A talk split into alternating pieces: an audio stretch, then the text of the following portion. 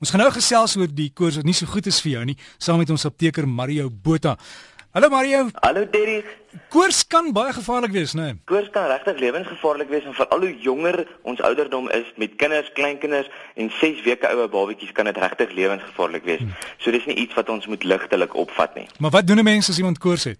Daar's 'n paar goed wat jy kan doen. Die eerste nee wat jy nie moet doen nie is om daardie persoon in 'n ysbad in te gooi. En ek weet ons het hierdie persepsie dat 'n persoon 'n koue bad moet vat, maar dit is baie sleg vir daai persoon. Um mens kan selfs hartstilstand kry as jy van so hoë koors af in hierdie yskoue bad inklim. So dit is die groot nee wat jy nie moet doen nie. En die behandeling daarvan is dan parasetamol en ibuprofen ehm um, wat dan baie goed is en baie van ons kinderstropies het maar parasetamol en ibuprofen as 'n kombinasie in en dan vir volwassenes is, is dit ook baie goed maar die groot nee wat jy daar nie moet doen nie is om aspirien te gee vir iemand wat koors het. En ek weet ons almal het al aspirien in ons lewe gedrink vir koors en die die sleg is aspirien veroorsaak reise sindroom as dit by enige ander tipe virale infeksie voorkom soos waterpokkies of longontsteking of griep.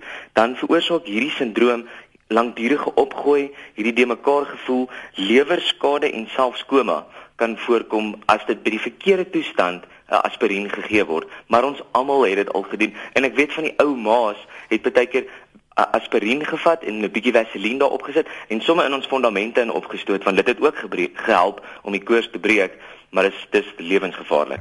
So Mario, jy sê basies vra jou dokter as daar koors is of enige teken van koors, moenie kanse vat nie, gaan kry kenners wat jou kan help. Ja, koors, koors is altyd 'n aanduiding dat daar iets gebeur het. So, ehm um, ons liggaam reageer op koors deurdat daar pirogene in ons liggaam ingekom het. En 'n pirogeen is 'n bakterie of 'n virus of 'n fungus en dit gaan na die hypothalamus toe. Dis 'n klein sentrum in die brein en sê vir die hypothalamus verhoog nou die liggaam se temperatuur want ons moet hier van hierdie voorwerp ontslaa raak. En as ons 'n hoë temperatuur het, kan hierdie goggas nie leef in ons liggame nie. So daarom wil wil die hypothalamus ons um liggaamstemperatuur verhoog, maar dan ook die immuunrespons in ons liggaam werk baie beter by 'n hoër temperatuur. So koors is eintlik 'n goeie ding wat ons liggaam probeer doen om homself te beskerm, maar baie keer ruk dit my hande uit en dan gaan koors oor die 38 en dit is wanneer dit medies geklassifiseer word as hoë koors.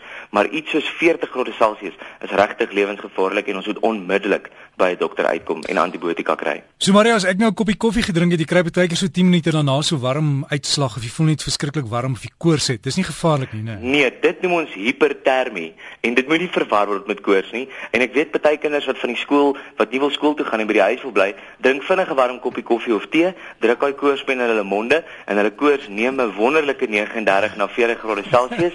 Maar dink Boetie het koors en sy laat hom by die huis bly en daar vang ek hulle nou almal uit. Dit is hipertermie en nie koors nie. Om die regte koors te meet is om die koorspen in die mond in te sit so ver agter as moontlik onder die tong en dan vir 'n minuut daar te hou en te kyk wat die koors is.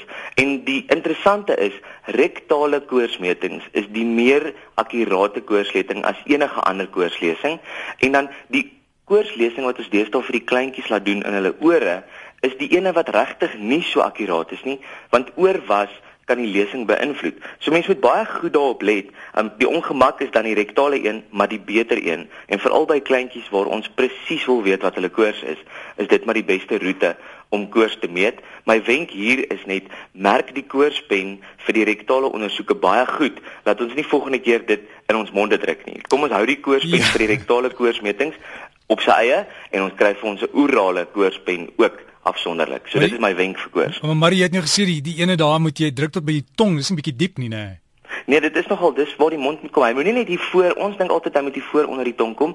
Hy moet regtig so ver moontlik agter onder die tong kom wat jy wat jy die koorspen kan in jou mond hanteer. Party mense word naar daarvan, maar dit is waar ons die beste koorslesing wil meet. Dis belangrik om te weet, ons moet 'n lesing kry baie naby aan ons basale temperatuur van ons liggaam en dit is ons interne hierdie die Engelse praat van hierdie core temperature en dit is amper die beste manier om dit te beskryf. So Na regte amper hoe dieper hoe beter. Um, en dit klink nogal rof, maar dit is hoekom die rektale ondersoek soveel beter is, want mense is dadelik by jou basale temperatuur. Maar daar moet mens pas op dat die koorspen nie te diep gaan nie en veral met kleintjies, hou maar die koorspen vas, moenie hom net los in hulle boutjies nie. Hou die koorspen vas dat hy nie verder inglip en dan kan dit 'n gemors afgee nie. Ja Mario en jy, ek weet is op toonbankdiens vandag. Wat is die algemene ding wat eh, die mense deesdae vra as hulle maar verkoue? Dis maar vir verkoue ons ons is in 'n baie slegte tyd nou met seisoensverandering en omdat ons diep in herfs is, is daar um hierdie rook wat nou maar gebeur van al die veldbrande. So ons het baie sinusitis. Mense het baie antihistamiene wat hulle moet drink. Dit is die beste vorm om al hierdie um sinusitis en boonste ligweginfeksies te voorkom. So ons moet dit drink, baie antihistamiene en dan ook die antibiotikas is maar besig om weer te loop jong. So ons gebruik baie antibiotikas en dan die laaste ding is onthou om jou griepinspuiting te kry. Dis nog nie heeltemal te laat nie. So as daar 'n apteek in jou omgewing is, kry jou griepinspuiting. Ek gaan sommer vandag terwyl ek agter die toonbank staan, my griepinspuiting kry, want dit is so aktief binne 6 weke. So ja, kom ons hou maar onsself warm, gesond, drink ons Vitamiene C, ons antihistamiene en ons kyk hoe gesond kan ons bly vir hoe lank. Ons sê dankie Mario, lekker werk. Totsiens. Totsiens. So gesels ons apteker Mario Botha en onthou alles waar ons praat, vra ook jou dokter en jy's vir die koers is daar dinge is gemaak net seker en bly veilig asseblief.